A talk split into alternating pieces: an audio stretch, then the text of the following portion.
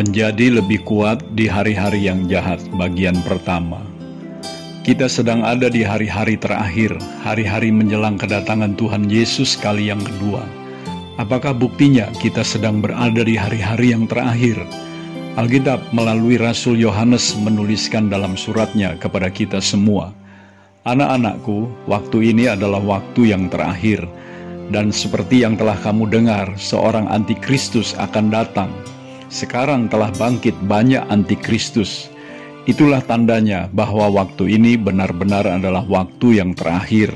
1 Yohanes 2 ayat 18 Salah satu tandanya bahwa hari-hari ini adalah hari-hari yang terakhir adalah seorang antikristus akan datang Bahkan sekarang ini sesungguhnya telah bangkit banyak antikristus. Sesuai dengan sebutannya antikristus, mereka adalah orang-orang yang menyangkal bahwa Yesus adalah Kristus yang diurapi. Bahkan mereka menyangkal baik Bapa maupun anak. Mengenai antikristus ini di dalam 2 Tesalonika 2 ayat 9 sampai 12 dikatakan, kedatangan si pendurhaka itu adalah pekerjaan iblis dan akan disertai rupa-rupa perbuatan ajaib, tanda-tanda, dan mujizat-mujizat palsu, dengan rupa-rupa tipu daya jahat terhadap orang-orang yang harus binasa, karena mereka tidak menerima dan mengasihi kebenaran yang dapat menyelamatkan mereka. Dan itulah sebabnya Allah mendatangkan kesesatan atas mereka, yang menyebabkan mereka percaya akan dusta, supaya dihukum semua orang yang tidak percaya akan kebenaran dan yang suka kejahatan. Kedatangan si pendurhaka atau antikristus itu jelas pekerjaan iblis. Kedatangannya akan disertai rupa-rupa perbuatan ajaib, tanda-tanda dan mujizat-mujizat palsu dengan rupa-rupa tipu daya jahat untuk menyesatkan mereka yang harus binasa, yaitu orang-orang yang tidak menerima dan mengasihi kebenaran menghadapi masa kedatangan Tuhan yang sudah tidak lama lagi, yang akan didahului oleh kedatangan antikristus ini, saya mau mengajak kita untuk mewaspadai diri kita sendiri.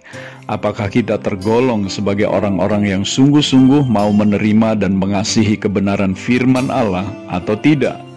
Mengapa hal ini penting untuk kita pertanyakan kepada diri kita sendiri? Ada dua alasannya. Yang pertama, tidak ada kejahatan atau kedurhakaan yang langsung kelihatan mencolok. Rahasia kedurhakaan dari antikristus itu sebetulnya sudah dimulai sejak lama, tetapi baru akan dinyatakan pada waktunya nanti. Ada istilah dalam bahasa Latin yang berkata, "Tidak ada orang yang dengan begitu saja mencapai puncak kejahatan." Artinya, ada proses untuk kejahatan itu menjadi nyata. Prinsip ini menolong kita untuk mewaspadai apakah di dalam diri kita masih ada benih-benih kejahatan yang kita tidak sadari. Misalnya kesombongan, kepahitan, atau ketamakan yang belum kita bereskan sungguh-sungguh. Tentang kejahatan yang tidak dengan begitu saja mencapai puncaknya, kita bisa bandingkan dengan Mazmur 1 ayat 1. Di sana tertulis, berbahagialah orang yang tidak berjalan menurut nasihat orang fasik, yang tidak berdiri di jalan orang berdosa, dan yang tidak duduk dalam kumpulan pencemooh. Ayat ini menunjukkan perkembangan kejahatan seseorang. Dia tidak langsung duduk dalam kumpulan pencemooh, yaitu menjadi bagian dari orang-orang yang melawan dan menertawakan hal-hal yang suci dari Allah. Dia memulainya dengan berjalan terlebih dahulu di dalam nasihat orang fasik, lalu berdiri di jalan orang berdosa. Paulus memberitahu Timotius dalam 1 Timotius 5 ayat 24, dosa beberapa orang mencolok seakan-akan mendahului mereka ke pengadilan, tetapi dosa beberapa orang lagi baru menjadi nyata kemudian. Alasan yang kedua, Allah akan mendatangkan kesesatan terhadap orang-orang yang tidak mau menerima dan mengasihi kebenaran, sehingga mereka percaya akan dusta yang akan membawa orang-orang tersebut ke dalam hukuman dan kebinasaan. Saudaraku, di hari-hari terakhir ini, hal yang sangat penting untuk kita orang percaya lakukan adalah menerima dan mengasihi kebenaran yang dapat menyelamatkan kita. Biarlah kita menggenapi Mazmur 1 ayat 2, tetapi yang kesukaannya adalah Taurat Tuhan, dan yang merenungkannya siang dan malam. Dan lagi Yesus berkata di dalam Matius 24 ayat 35, Langit dan bumi akan berlalu, tetapi perkataanku tidak akan berlalu.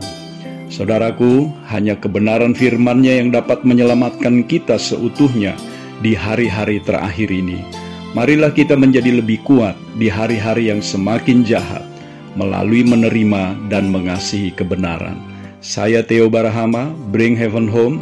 Tuhan Yesus memberkati saudara.